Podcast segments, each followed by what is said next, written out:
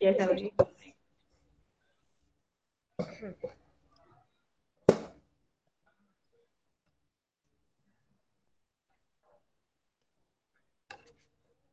Iso digedhe kira sih aku nih, oh iso. Close up rambut. Sip. Wes toh. Halo USM. Apa kabar nih? Eh, semoga teman-teman USM dalam keadaan yang sehat dan tetap memenuhi mematuhi protokol kesehatan. Karena apa? Karena kita sedang berada di era pandemi dan kita sama-sama berdoa semoga pandemi ini cepat berlalu dan kita bisa bertemu di kampus kita tercinta. USM Jaya. Oke, oke. Cukup ya untuk openingnya. oke, eh, perkenalan dulu. Nama saya Lutfi sebagai pembawa podcast episode pertama. Ya. Eh, sebelumnya saya jelaskan dulu nih secara singkat tentang Potsko Sinergi. Apa sih itu Potsko Sinergi? Ini program baru ya. Karena sebelumnya eh, di BEM belum ada podcast, jadi kita eh, mencoba untuk membuat podcast dengan tujuan kita mewadahi atau sebagai media untuk memberikan informasi yang lengkap, yang interaktif kepada mahasiswa umum melalui pembicara-pembicara yang akan menarik perhatian gitu. Kurang lebih kayak gitu ya. Nah, eh, pada kesempatan sore ini di episode pertama saya akan membawa tentang ngobrolin opener rekrutmen fungsionaris. Saya nggak sendiri nih, saya ditemenin wanita ya, wanita cantik sih kayaknya. Mungkin nanti lihat pengakuannya saja ya. Dari Kementerian PSDM, langsung perkenalkan aja mungkin ya. Halo. Halo, Lutfi. Halo, halo. Dengan siapa? Mana? Kita santai aja ya ini ya. Ya, santai aja dong. Oke, jadi langsung perkenalan aja ya biar nggak kelamaan. Karena Ya. Lutfi nggak mau mengenalkan saya, jadi saya perkenalan sendiri aja. Eh, perkenalkan nama saya Arnita Petra, eh, panggil aja Petra. Saya dari Kementerian PSDM BMUSM 21. Oke. Udah ya, gitu aja ya. Eh, sama dulu, halo. Nggak usah disebutin alamatnya kan? Oke, nggak usah. Kelamaan nanti. Nggak usah disebutin alamatnya. Ya, ya, ya. Oke. Eh, jadi teman-teman, eh, pada kali ini kita membahas tentang fungsionaris. Nah, kebetulan tadi udah ada Petra ya sebagai selaku PSDM. Mungkin langsung aja ya teman-teman ini pada bingung apa sih itu fungsionaris. Nah, mungkin Petra bisa dijelaskan apa sih itu fungsionaris. Oke, ini langsung ke poin ya ternyata. Saya pikir nanya-nanya dulu nih. Oke, daripada kelamaan fungsionaris ya. Sering sih, sering ditanya ini sih masalah ini. Karena kan fungsionaris sendiri pastinya asing, asing banget buat teman-teman USM. Bener nggak? Baru soalnya. Iya, jadi kamu sendiri juga pasti kan sebagai menteri awalnya ngerasa asing gitu. Jadi fungsionaris sendiri punya arti daripada elemen-elemen yang mendukung daripada suatu organisasi gitu. Elemennya ini apa sih? Elemennya ya manusianya itu gitu, yang mendukung eh, daripada berjalannya lembaga tersebut gitu. Kita sebut open recruitment fungsionaris ya kita mencari elemen-elemen yang nantinya akan membantu BEM untuk menjalankan tugas-tugasnya. Singkatnya sih seperti itu. Oke. Jadi eh, yang tanya-tanya apa sih itu fungsionaris sudah terjawab ya. Nah, Petra, kenapa kok tahun ini berbeda dengan tahun-tahun sebelumnya? Kalau tahun-tahun sebelumnya itu eh, dinamakan eksekutif muda. Tapi kalau di kabinet sinergi kita manggilnya fungsionaris. Mungkin bisa dijelaskan kali ya, Pet? Oke, kenapa disebut eksekutif muda dan staf magang? Eh, sebenarnya simpel sih. Eh, kita harus tahu dulu arti daripada eksekutif itu apa, staf itu apa gitu. Kalau eksekutif sendiri, orang cari di Google itu pasti ada. Eksekutif itu pasti ada artinya. Coba cari sendiri. Eh, nggak nggak jauh beda tuh artinya kalau nggak salah kekuasaan dan yang menerapkan suatu aturan gitu. Jadi ini nanti akan bersinggung dengan tugas daripada presiden mahasiswa sendiri. Nah, kenapa kita sebut staff? Staff ini nantinya uh, ya kita tadi hubungan dengan fungsionaris. Staff ini yang akan mendukung uh, berjalannya tugas-tugas daripada kementerian di BEM gitu. Staff magang itu artinya teman-teman yang nantinya akan menjadi staff di BEM, walaupun kita sebut magang artinya sementara, teman-teman juga merupakan bagian dari BEM gitu dan punya tanggung jawab untuk menjalankan tugas-tugas yang ada di BEM gitu. Tugas-tugasnya tapi bukan semua ya, yang pasti sesuai dengan uh, kementerian yang diikuti. Gitu. Oke. Okay. kurang jelas nih penjelasan gimana lu? Kalau aku nangkep sih ya Pet, jadi uh, eksekutif muda sama fungsionaris tuh sebenarnya nggak jauh berbeda lah. Tapi kita di kabinet kita yeah. mungkin lebih suka menyebut fungsionaris karena kita ya uh, sama-sama lah sama-sama di kementerian untuk sama-sama belajar lah, sama-sama mengambil peran nih. Ya, Pet. Kayak gitu kan? Jadi kalau banyak nih teman-teman yang nanya eksekutif muda sama staf magang itu sama nggak sih kak? Sama, sama, pasti sama. Cuman kita menyebut staf magang agar definisi dan artinya itu uh, lebih konkret gitu, lebih jelas. Karena eksekutif muda kan mungkin di pandangan teman-teman cuman ibaratnya belajar belajar. Tapi staf magang di sini nggak cuma belajar gitu. Tapi lebih ke kalian juga ibaratnya praktek. Apa yang kalian pelajari langsung dipraktekkan. Kayak gitu sih. Fungsionaris sendiri kan artinya fungsi. Jadi uh, fungsionaris BEM adalah staf magang itu tadi. Gitu. uh, oke okay, pet. Jadi kurang lebih sama ya pet gitu. Jadi iya kurang lebih sama sih. Cuman uh, menyebutnya biar lebih keren aja gitu. Lebih baru aja gitu ya fungsi iya lebih baru dong. Biar teman-teman tuh kayak kepo nih apa nih? Apa sih ini fungsionaris gitu? Apa sih bedanya sama eksekutif muda? Gitu kan pet? Kepo gitu iya pasti biar bertanya-tanya oke okay. ada nah, euforianya nih teman-teman buat ini apa sih kayak gitu oke okay. nah pet uh, kalau teman-teman nih teman-teman mau daftar mau daftar ke BEM nih sebagai anggota staf magang fungsionarisnya BEM, ya kan? Nah, teman-teman nih bingung dong, yeah. ada, kementerian apa aja sih BEM? Soalnya kan uh, setiap kabinet itu mempunyai kementerian. Uh, mungkin di kabinet sinergi ini apa sih, Pet? Adakah kementerian-kementerian baru yang beda atau? Kementerian sesuai nama kabinetnya ya sinergi pembaruan otomatis ada pembaruannya banyak sekali.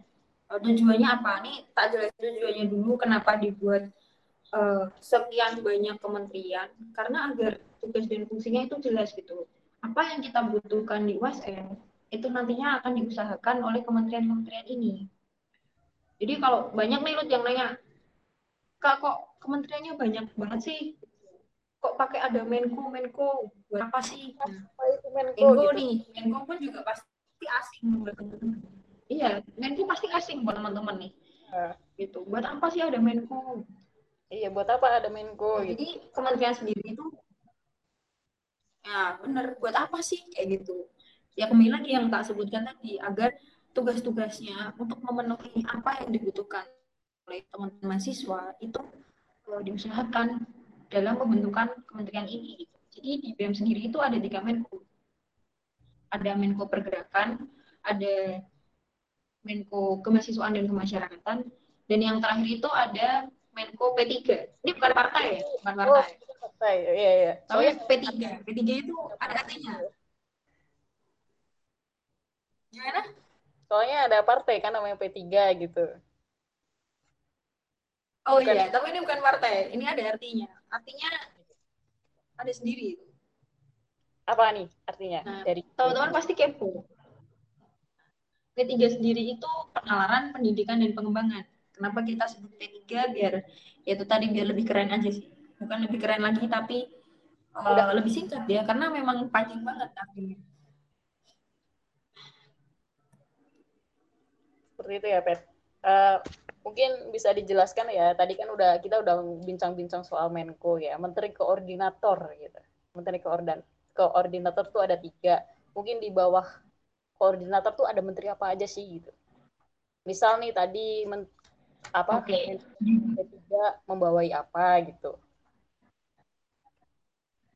oke. Jadi dari tiga Menko ini akan membawai yang, yang pastinya uh, teman-teman beberapa mungkin asing dengan bidang-bidang baru ini gitu. Uh, terutama di bagian pergerakan ini ada dua kementerian yang mungkin jarang teman-teman dengar. Ada yang namanya Advokesma dan Polkastra. Dan buat teman-teman yang uh, mendaftar oprek pasti bingung. Polkastra tuh apa sih? Advokesma tuh apa sih? Jadi Advokesma sendiri uh, merupakan kementerian yang bertugas untuk mencari isu-isu yang ada di universitas, yang ada di fakultas maupun uh, di lingkup besar, tapi masih dalam intrakampus ya, masih dalam intrakampus yang nantinya akan bersinggungan dengan Kementerian Polkastra. Nah, Polkastra sendiri ini yang akan mengkaji isu itu. Apakah isu ini tuh uh, bisa kita angkat ke atasan seperti itu. Jadi uh, buat teman-teman juga ketika BEM kalian menyampaikan ke BEM ada masalah ini ABC kita tidak uh, tidak langsung untuk melakukan tindakan tapi kita kaji dulu. Kita kaji dulu permasalahannya seperti apa. Jadi ketika nanti ditanya oleh atasan kita ngerti apa yang harus kita sampaikan seperti itu kemudian uh, ada menteri luar negeri nih yang pasti mungkin akan banyak peminatnya karena luar negeri nih pasti keluar keluar jalan-jalan bukan tapi nggak ke Singapura ya? Nggak punya. Gimana? Nggak jalan-jalan ya pet? Jalan-jalan pasti dong tapi nggak sampai ke gak luar negeri ya. Oke okay, oke. Okay. kayaknya kalau sampai ke luar negeri kena covid lagi malah. Oke okay. benar-benar Jadi untuk Kementerian Luar Negeri sendiri nih, uh, eh, okay. biasanya mereka itu membangun relasi ataupun korelasi dengan teman-teman dari universitas lain. Semisal pada kegiatan MUNAS BMSI, BEM ya kayak gitu. Mereka yang akan mengikuti kegiatan itu. Fungsinya apa sih buat USM?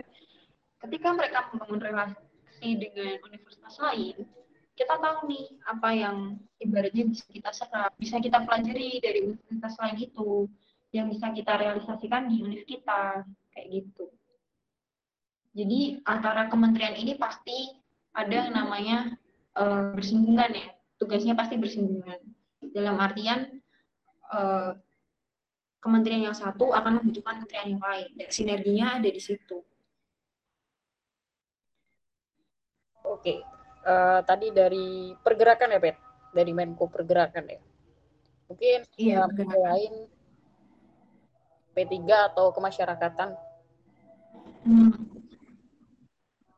Oke, jadi kemasyarakatan sendiri ini ada dua bidang kementerian ya, yang salah satunya mungkin uh, belum ada di tahun-tahun yang lalu ya, ya. Ini ada sosial masyarakat. Sosial masyarakat ini nanti tugasnya apa sih? sosial masyarakat nanti tugasnya ya pasti berhubungan dengan kegiatan sosial. Seperti kemarin Semarang sempat uh, ada bencana banjir itu. Ya, jadi teman-teman ini kan pasti ada yang namanya gerakan. Nah, dari kementerian tersebutlah yang akan uh, mengampu daripada gerakan-gerakan sosial seperti itu. Dan kemudian ada lagi Kementerian Dalam Negeri fungsinya apa sih? Dalam negeri dalam negeri pasti buat teman-teman ini nggak asing karena memang kementerian ini ibarat kata e, jembatan dari teman-teman untuk menyampaikan problematika daripada teman-teman ke BEM seperti apa seperti apa menjalin komunikasi yang baik dengan ormawa satu dengan ormawa yang lain itu sih. Bukan uh, seperti nama WSM kita ya jembatan masa depan dalam negeri pun ini uh, adalah jembatan mahasiswa. Gitu. Oke, okay.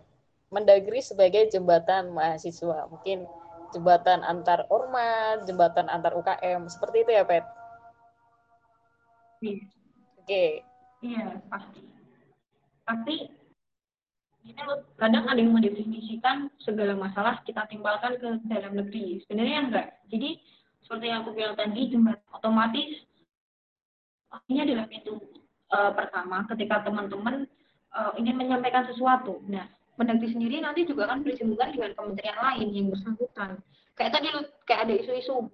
Nah, ketika nanti teman-teman ada yang menyampaikan ke Mendagri, Mendagri akan menyampaikan itu ke uh, Polkastrat dan Asmoisma yang akan nanti diolah. Jadi sekali lagi, walaupun beda Menko, teman-teman kementerian itu nantinya tugasnya akan bersinggungan kayak gitu.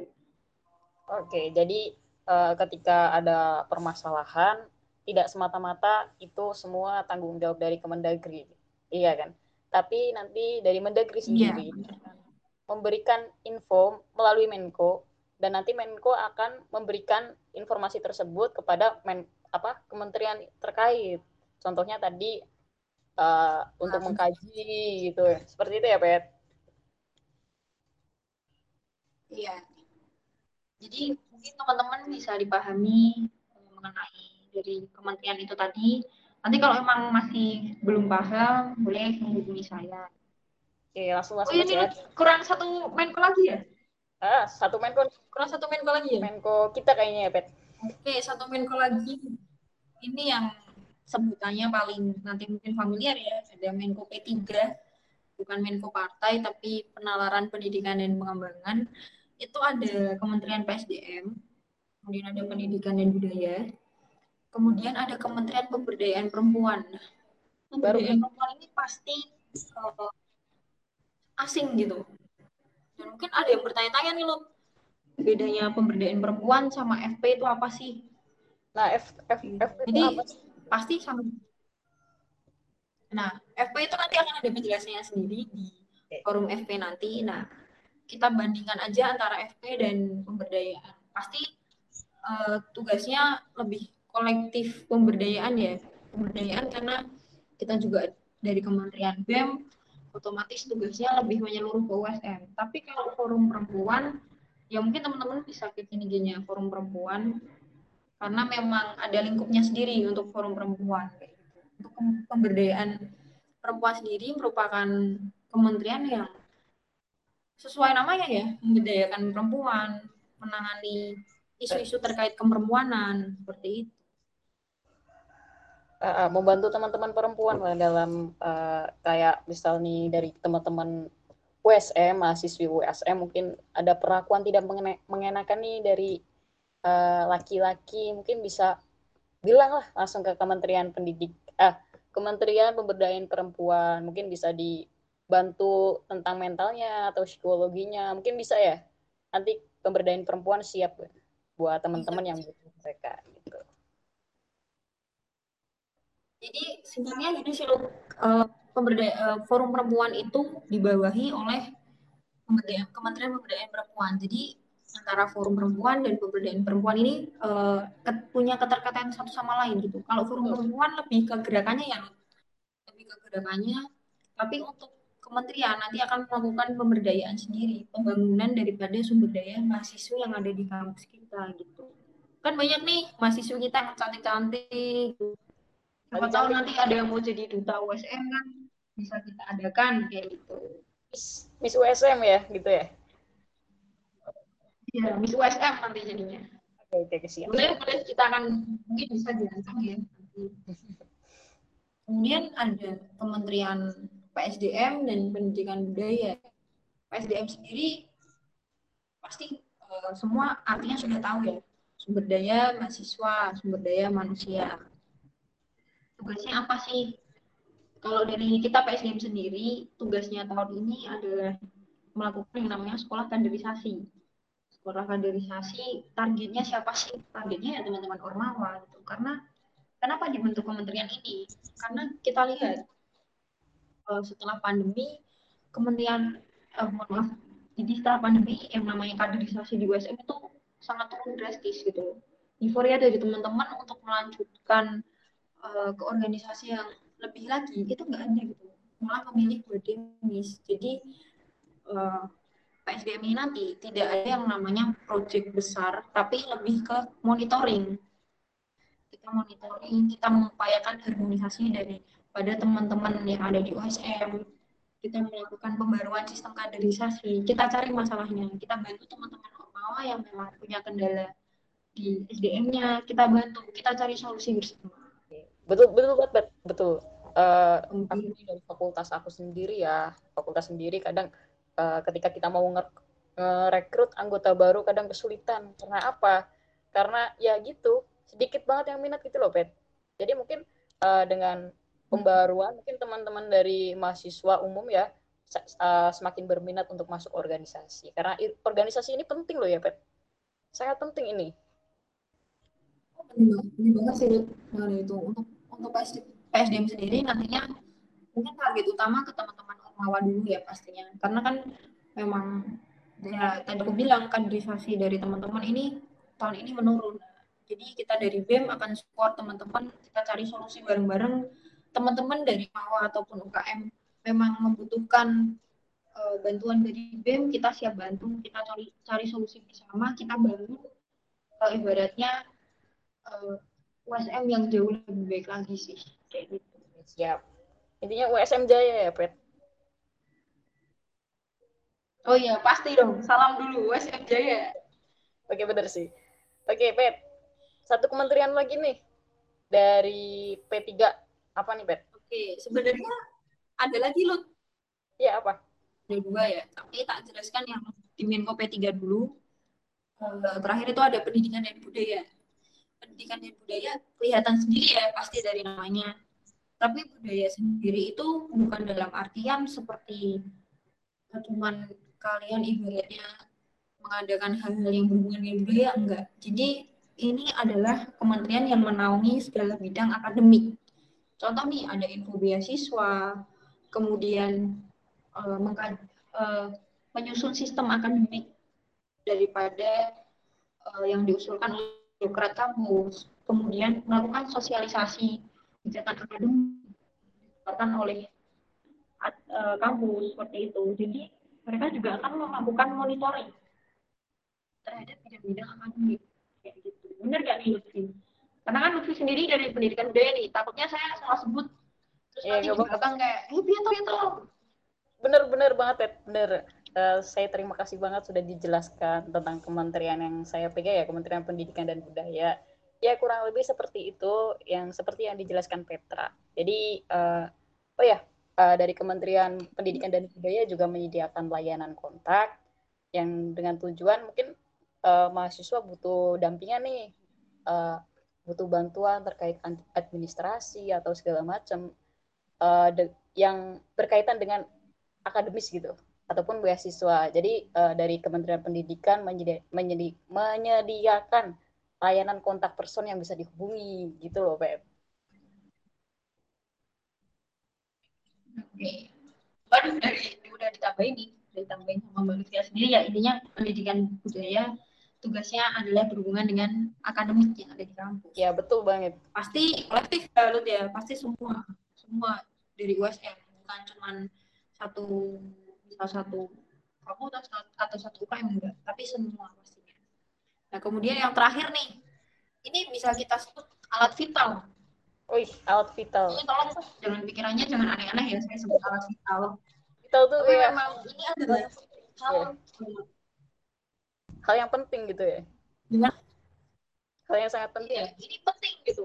Jadi pikirannya tolong jangan liar ke mana-mana karena alat vital ini itu merupakan ibaratnya apa ya suatu hal yang uh, tidak bisa kita kita tinggalkan.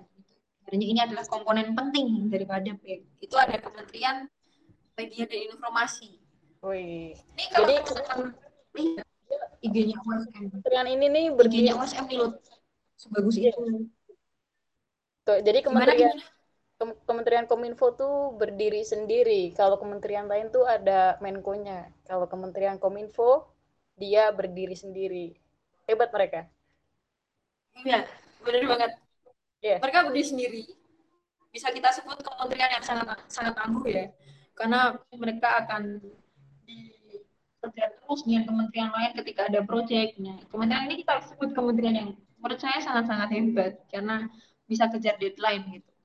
Jadi ya. kementerian ini sesuai dengan namanya ya, media dan media dan informasi otomatis akan berhubungan dengan segala sesuatu mengenai branding BEM mengenai brandingnya USM di luar itu seperti apa, kayak gitu. Jadi kalau teman-teman lihat nih Instagramnya BEM USM, uh, bisa dilihat kalau di situ memang uh, itu adalah hasil daripada teman-teman Kementerian Media dan Informasi gitu.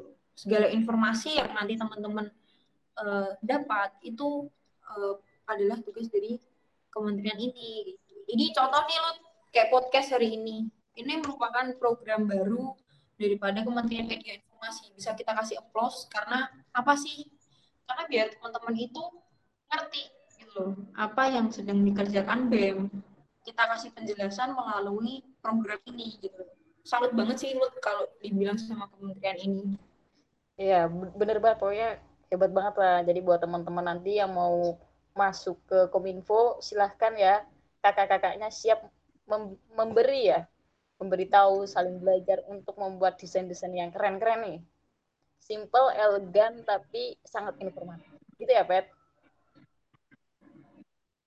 Bener sih. Jadi uh, di sini teman-teman akan ngerti sebenarnya media dan informasi itu tugasnya nggak cuma kalian upload feed, upload hari-hari, tapi gimana sih cara kalian membranding lembaga kalian agar lebih informatif di kalangan teman-teman kemudian bisa menciptakan uh, ibaratnya program-program yang sekiranya akan memudahkan teman-teman uh, menyerap informasi yang ada di USM kayak gitu sih jadi tugasnya media dan informasi nggak melulu soal editing editing itu enggak lebih ke bagaimana uh, kalian bisa menciptakan hasil daripada lembaga tersebut Oke, bener banget, Pak. Jadi uh, kita kasih tepuk tangan dulu kali ya buat Kementerian Kominfo. Oke, siap. Hebat banget nih Kominfo. Okay, thank you, thank you. Thank you, Kominfo. Jadi uh, buat kementerian kayaknya udah semua ya, Pet? Uh, apa ada lagi nih? Iya, mungkin untuk yang lain ada Abu Dahara dan sekretaris ya.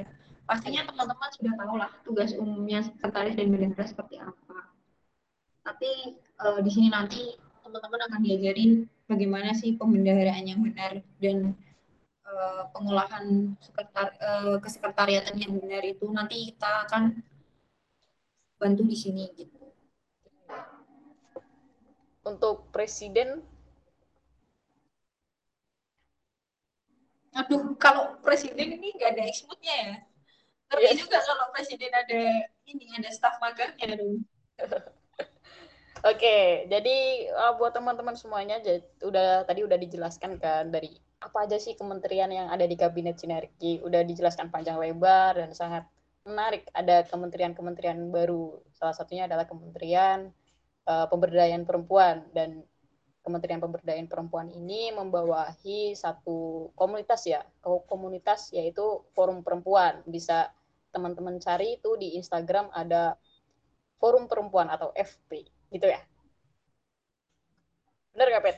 iya benar okay. jadi mungkin kalau teman-teman masih nggak ngerti perbedaannya apa boleh nanti PC tanya itu ngomongnya kok beda gitu nggak apa-apa kamu aja sama aku tenang nggak akan nggak akan aku marahin kok jadi nanti akan aku jelaskan ulang ketika teman-teman emang nggak ngerti itu bisa lah PC PC aku oke jadi buat teman-teman nih buat teman-teman yang uh, kurang paham kurang mudeng dari apa yang Petra sampaikan bisa teman-teman PC langsung ke Petra ya. Uh, eh, PC deketin nggak apa-apa lah. PC PC santuy gitu ya Pet. Aduh jangan dong. Oke okay, jadi uh, jadi asrama lagi. Gimana Pet? Nanti jadi asrama kalau konteksnya beda daripada uprek ini. Oke, okay, jadi udah cukup jelas ya. Uh, buat timeline uh, tanggal mungkin uh, tanggal seleksinya Oke, okay. tanggal ya. Jadi buat tanggal sendiri itu tanggal berapa ya Tanggal ini sih 19 sampai 25 itu pendaftaran. Jadi uh, itu teman-teman bisa ngisi, di bitly-nya. Ini nggak harus kayak tanggal 19 langsung isi gitu. Cepet-cepetan nggak usah. Jadi santai aja kalian mau ngisi tanggal 23, tanggal 24 ataupun tanggal 25 nya nggak apa-apa. Cuman cuman ini note dan note-nya tanggal 25 sendiri itu nanti kita akan infoin jam penutupannya karena setelah penutupan nanti itu ada technical meeting. Technical Oke. meetingnya kita akan jelaskan.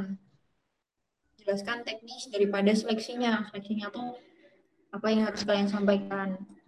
Kemudian eh, nanti dibagi sesinya. Sesinya kan pasti nih teman-teman USM saya harap banyak ya yang berminat eh, untuk bergabung sebagai staf magang. Tenang aja, di sini seleksinya nggak nggak nggak susah kok, nggak kayak interview kerja, tenang aja. Ada psikotes gak, Pet? Aduh, psikotes. Mau daftar Polri? Enggak kan? Enggak. Enggak ada lah, enggak ada psikotes. Kita memudahkan teman-teman untuk belajar aja. Belajar. Tapi memang Oke. ada yang namanya seleksi. Sebenarnya ini seleksi ini lebih cenderung ke yang namanya brainstorming. Brainstorming itu eh, artinya adalah pengasahan ide gagasan, kreativitas daripada teman-teman, pandangan teman-teman itu seperti apa kayak gitu. Kita akan melakukan uji di situ. Jadi biar kita tahu nanti teman-teman eh, akan ditempatkan di kementerian mana ataupun mungkin sesuai dengan pilihan mereka ketika mereka mendaftar. Kayak gitu sih. Oke, jadi eh, brand Kemudian tanggal 30 Hah? Iya benar. Terus tanggal 30 ini kita akan langsung ada pengumuman. Jadi April nanti teman-teman akan langsung bisa mengikuti eh, tugas-tugas dari BEM kayak gitu. Oke, jadi eh, fungsi dari seleksi ataupun tadi apa pet brainstorming ya.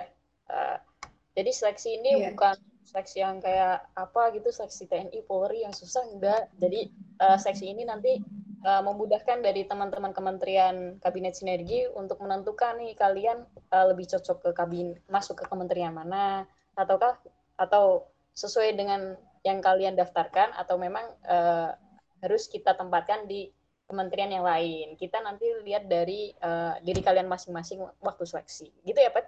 Jatuhnya seperti itu kan? Iya benar.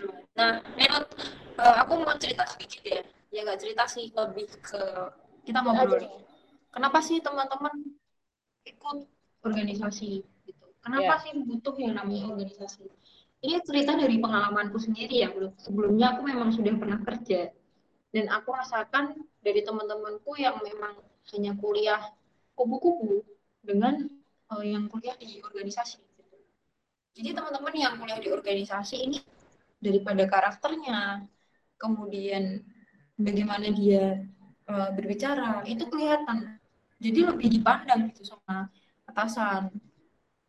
Karena itu kenapa organisasi itu buat teman-teman nih penting. Karena memang eh, skill daripada non akademik kalian harus kalian asah karena itu akan berguna di masyarakat luar gitu. Ketika kalian sudah lepas dari lingkungan kampus, kalian bekerja, apa yang kalian dapatkan di organisasi ini bermanfaat. Terutama yang kita umum ya lu kayak public speaking. Nah, eh, yang cara pasti yang akan masalah gitu ya. dari kalian. Gimana lu? Public speaking, public speaking ya, terus cara mem- memecahkan sebuah masalah. Mungkin itu semua nggak Nah, banget pelajarin di bangku kuliah ya. Kita pelajarin di luar, kayak misal di organisasi, di UKM, entah itu organisasi di kampus maupun organisasi di luar kampus. Seperti itu. Itu pentingnya organisasi sih menurut aku. Soft skill gitu loh. Kita mendapatkan soft Iya. skill yang lebih Suka dari teman. Kayak gini sih. Kayak pemikiran kita itu pasti jauh lebih beda daripada teman-teman yang nggak ikut organisasi. Karena apa? Karena ketika di organisasi kan kita di ibaratnya di push. Gimana kita cara menyelesaikan masalah? Gimana ketika kita ada program kerja, kita Hmm. bisa mencapai yang namanya keberhasilan. Di situ kita pemikirannya sepaneng kenceng, Apalagi ada manfaatnya gitu. Kita punya gitu. kesenangan sendiri. Iya. Iya, kita punya apa ya? Kelegaan sendiri. Kayak ibaratnya rasa bangga ketika program kerja itu tercapai gitu. Jadi pemikiran ini akan terus berkembang, berkembang, berkembang.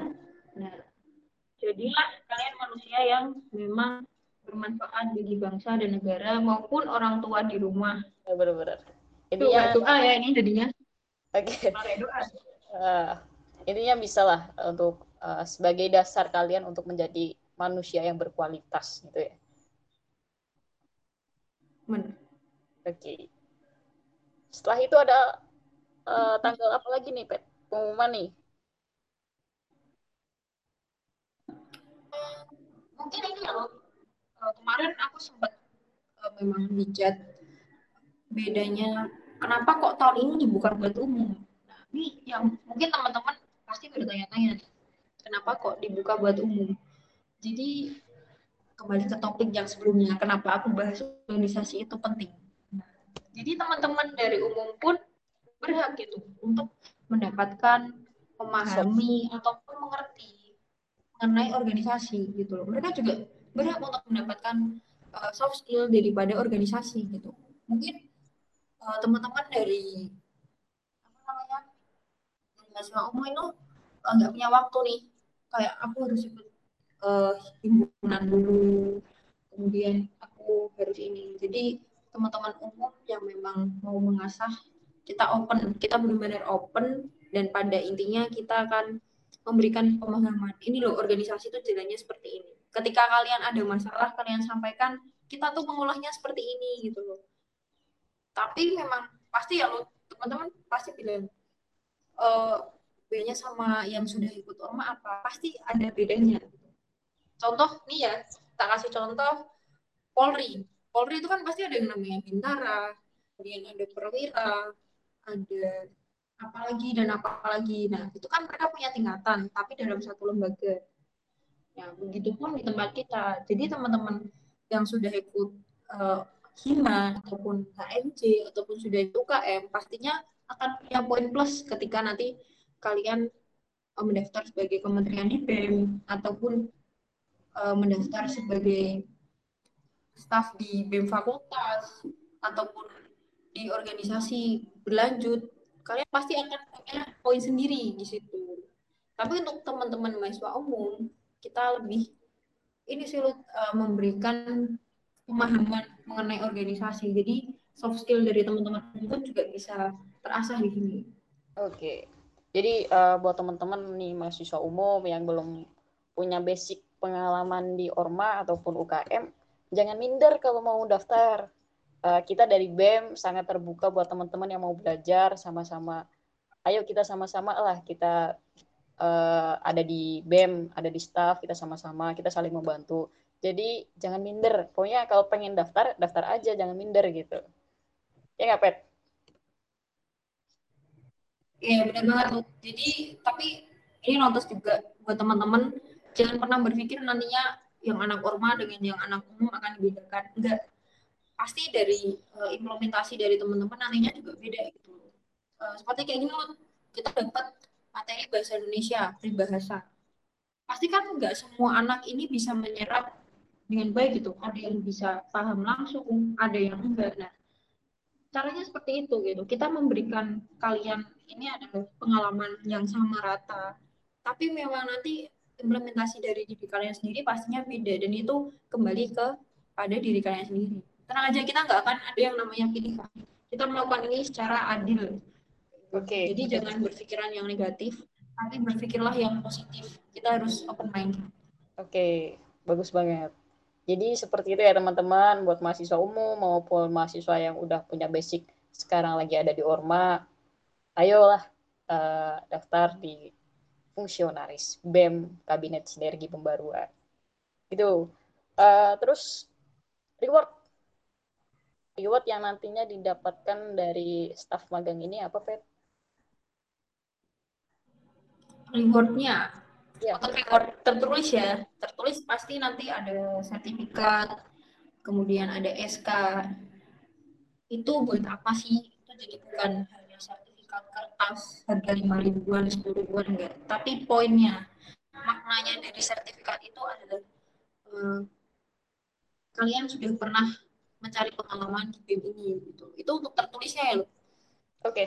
Tapi untuk uh, secara tersiratnya itu lebih ke lebih ke ini sih open minded kalian terus pemikiran kalian nanti pasti juga akan berubah walaupun kalian nggak bisa ngerasain itu instan itu pasti akan um, menjalani yang namanya proses gitu dan ini juga notice buat teman-teman percaya percayalah dengan yang namanya proses jadi gak ada yang namanya instan. Kalau kalian mau hasil yang bagus, itu harus melewatin proses dulu.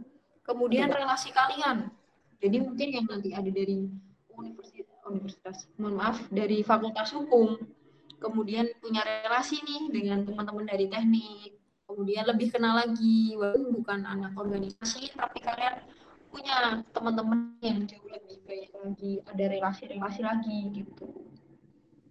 Oke, jadi banyak banget ya Pak yang didapatkan dari apa staff magang. Banyak banget sih. Sebenarnya kalau dirasain ya sih lo sebenarnya kalau kita rasain uh, ikut organisasi itu manfaat banyak banget.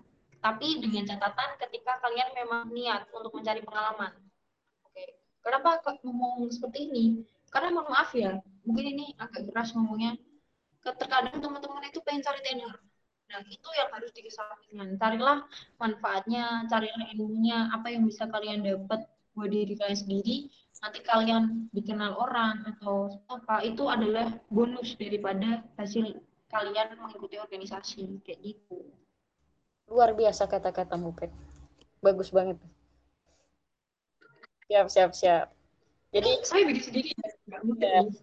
Jadi kurang lebih seperti itu rewardnya banyak banget karena udah dapet surat udah dapet apa pengalaman dapet soft skill banyak banget pokoknya nah surat ini pet kalau untuk forma kan mereka sangat bisa nih sangat menjamin buat mereka naik ke BEM periode berikutnya nah kalau mahasiswa umum nih dia kan belum punya basic tapi dia dapat SK nih dari kita apakah mereka menjamin buat bisa naik ke BEM di periode depan atau seperti apa Nah, pertanyaan yang sangat sangat harus dijelaskan panjang ini. Oke, jadi kalau teman-teman tanya ketika teman-teman bisa nggak untuk melanjutkan ke BEM? Sangat-sangat bisa. Karena kan kalian punya SK. Gitu. Tapi mungkin tidak bisa untuk menjadi menteri. Gitu. Ataupun menjadi presma. Itu nggak bisa. Karena syarat menjadi presma dan menjadi menteri sendiri itu ada prasyaratnya seperti MBK yang memang hanya bisa diikuti yang bisa dicapai oleh anak normal. Tapi tidak menutup kemungkinan daripada teman-teman umum yang sudah mendapatkan SK ini bisa menjadi bagian daripada BEM. Pasti bisa karena ada istilahnya. Cuman garis bawah ini. Uh, kalian bisa bergabung dengan BEM itu tergantung dengan kebijakan Presma yang berikutnya. Misal tahun ini perlu ya kan ya. kalau dari Pres Acil sendiri memang membuka buat umum yang tadi aku jelaskan biar dapat apa dapat apa nah di tahun berikutnya semisal presnya tidak membuka buat umum ataupun uh, tidak bisa mengajukan SK tadi itu ya kembali ke kebijakan daripada presma yang akan menjabat nanti jadi pada uh, pada artinya tidak ada aturan baku mengenai mengenai itu. Cuman memang sudah ada SK sebenarnya bisa-bisa aja sih loh tapi tergantung dari presnya berikutnya nanti mau seperti apa. Oke oke. Udah jelas sih Pak. Uh, sangat jelas. Tadi udah dijelaskan dari awal nih fungsi ya gimana? Ini jelas apa blipet ya? Kayak blipet ya gitu ya? Kalau aku sih nanggapnya jelas Pak. Jadi apa, uh, apa? Enggak jadi aku nanggapnya jelas nih. Jadi uh, seharusnya mereka bisa untuk mahasiswa umum yang magang bisa buat naik ke kementerian. Tapi kembali lagi kepada presiden periode depan ataukah mereka menerima atau tidak. Kembali lagi ke kebijakan presiden di periode depan. Seperti itu ya Pet? Singkatnya seperti itu. Iya. singkatnya seperti itu simpelnya seperti itu. Kalau kurang simpel kembali lagi jangan lupa hubungi saya buat bertanya oke jadi Eh, pertanyaan-pertanyaan kayak informasi-informasi udah kita jelaskan semua. Ya kalau kepanjangan minta maaf, kalau belum jelas nanti bisa hubungi Petra. Nah Pet, ada beberapa pertanyaan yang masuk nih di apa komentar story-nya BEM USM yang kemarin sempat di-share sama teman-teman Kominfo. Ini ada tiga pertanyaan. Oh, oke. Okay, okay. Ada tiga pertanyaan yang masuk. Mungkin langsung ke pertanyaan pertama ya, Pet. Uh, apa aja sih kegiatan dari fungsionaris? Boleh, boleh kegiatan dari fungsionaris? Ya. uh, tadi sebenarnya sudah dijelaskan di awal ya kegiatan fungsionaris ya nanti kegiatan yang dibenderakan oleh menteri-menteri tersebut. Tak kasih contoh satu lagi yang paling mungkin bisa memperjelas. Misal Polkastra mengenai kajian ya. Nanti tugas dari teman-teman staf kementerian Polkastrat akan membantu Kementerian dari Propastrat untuk mengkaji isu-isu yang ada di Universitas Semarang kayak gitu. Jadi fungsionaris kegiatannya ya uh, kegiatan ataupun fungsi daripada kementerian itu. Tugas-tugasnya ya kegiatannya nanti ada kegiatan mungkin atau dekat ini ya lo ada sekolah kebangsaan yang nanti dari teman-teman akan ikut andil dalam program kerja tersebut gitu. Jadi nanti kegiatannya nanti tergantung dari kementerian yang ditempatkan ya. Seperti itu ya, Pet? Oke, pertanyaan satu pertanyaan satu udah kejawab nih. Masuk ke pertanyaan kedua. Nah, adakah Asik. aturan eh adakah aturan yang menyatakan jika siapa pun mahasiswa USM bisa ikut oprek ini? Paham gak, Pet? Paham, Pak. Bisa dijelaskan? Keren juga ya nanyanya mengenai aturan nih. Oke, okay, aturan. Saya telepon Pak Pres dulu atau gimana nih? Nggak usah ya? Iya, mungkin sepemikiran kamu aja kali ya, Pres. Oke, okay. jadi uh, mengenai aturan nggak ada ya? Nggak ada. Untuk aturan tertulis ataupun itu nggak ada sih. Jadi untuk aturan oprek, oprek ya, aturan oprek ini uh, diperjalankan ataupun dibuat oleh periode yang berjalan kayak gitu. Jadi tahun ini ada aturan terbuka buat umum. Ini kebijakan daripada pres yang sekarang. Nah, kalau di tahun depan itu ibaratnya pres tidak membuka buat umum, ya itu kembali ke kebijakan presnya seperti apa. Jadi tidak ada aturan baku yang mengatur mengenai open recruitment ini. Kalau dibilang aturan baku itu nggak ada. Cuman memang eh, kita bisa bilang apa ya, kalau di tuh ada istiadatnya ya. Oke. Okay. Ada istiadatnya tuh terkadang open recruitment harus ini. Nah, itu yang harus kita uh, open minded lagi bahwa ketika memang kita bisa membuka buat umum, kenapa enggak gitu loh. Ibaratnya kan di sini kita memperlakukan segalanya untuk tujuan bersama, untuk kepentingan bersama, gitu. Oke, jadi uh, buat poin pertanyaan kedua nih, adakah aturan? Jawabannya nggak ada aturan sama sekali. Jadi siapa pun nggak ada sama sekali, nggak ada. Sama sekali bisa ya, bisa masuk ya. Oke, jadi buat masa yang umum jangan takut Bisa, ada aturan pokoknya nggak ada nggak ada aturan pokoknya kayak gitu ya Pet ya ada okay. aturan wes gaya aturan dewe rasa bingung ya Oke, nanti kita sama-sama lah gitu. Oke. Iya, benar makasih. Pertanyaan ketiga. Cara mendapatkan sertifikat LKMM. Saya pengen, tapi belum punya sertifikatnya. Gimana tuh, Pet? pengen tapi belum punya sertifikat jadi kayak ada pertanyaan lain selain itu nggak? Misal cara mendapatkanmu kayak gitu. Nggak ada ya? Nggak ada. Itu mungkin uh, bertanya bertanya. kamu gitu loh. Oke okay, oke. Okay. bercanda ya biar biar nggak sepanang aja sih. Jadi untuk sertifikat LKMM itu merupakan kebijakan pada fakultas masing-masing. Gitu. Jadi mungkin kemarin contoh nih ada yang nanya dari hukum. Kak aku belum dapat servis nah itu ditanyakan dulu ke BEM hukumnya ataupun ke orma yang mengampu dari LKMM itu ditanyakan sertifikatnya sudah jadi apa belum.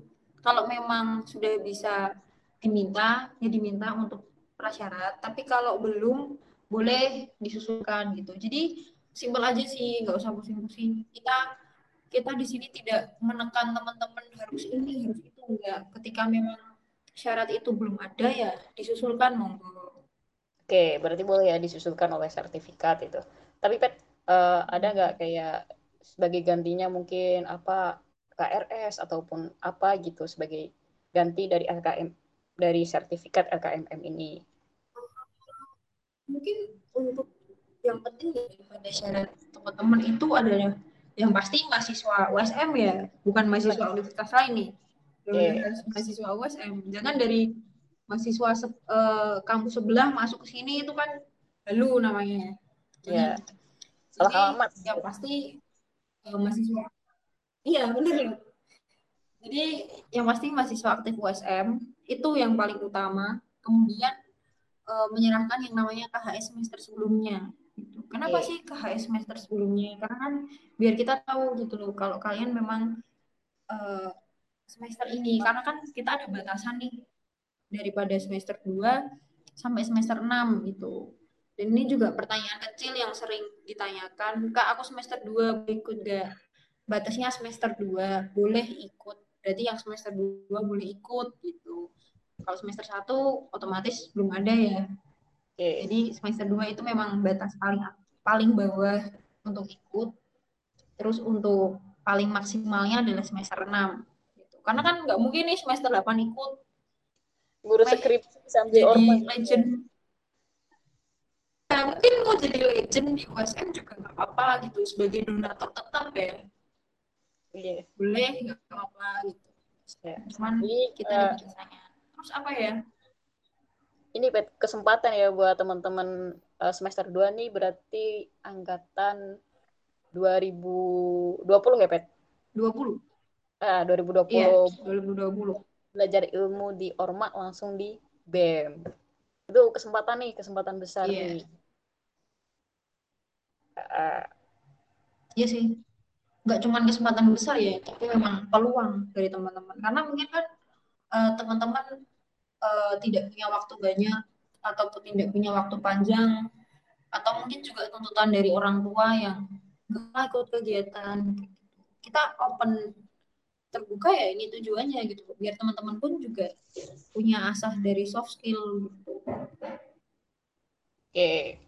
Biar Berarti ketika kalian makul nih nggak nggak sepaneng nggak sepaneng mikir mikir hitung hitungan gitu malah justru ketika kalian punya banyak relasi bisa dibantu kayak gitu Oke, Eh, udah jelas banget nih Pet dari kita awal ngobrol sampai sekarang ya. Terima kasih juga nih buat yang pertanyaan-pertanyaan kayak gini. Ya, terima kasih buat teman-teman yang udah mengajukan pertanyaan dan mungkin cukup sekian kali ya Pet. Udah lama nih, udah satu jam ya durasinya. Nanti kelamaan gitu loh. Gak enak sama Oh, yang iya? lain. Iya, eh, lagian ada kepentingan gitu kan. Ada kepentingan kan ya. Jadi alangkah lebih baiknya kita akhiri sampai sekarang. Untuk Petra, selaku pembicara episode pertama, terima kasih banyak atas informasinya terkait open recruitment fungsionaris. sama-sama Lutfia sama-sama jadi mohon maaf ya tadi kalau ngomongnya kecepatan atau mungkin belibet Betul tidak? bisa nanti Sama-sama belajar. Iya. Jadi eh, terima kasih tadi buat Petra, terus eh, gak kalah juga terima kasih buat teman-teman USM ya yang menonton kita di sore hari ini di Podsko Sinergi episode pertama ngobrolin rekrutmen fungsionaris. Buat teman-teman tetap jaga kesehatan, patuhi protokol kesehatan, kita sama-sama berdoa semoga kita cepat kembali pulih dan bisa kuliah secara normal di USM tercinta. Salam sinergi, ber- berani berperan buat perubahan, bergerak bersama. See you.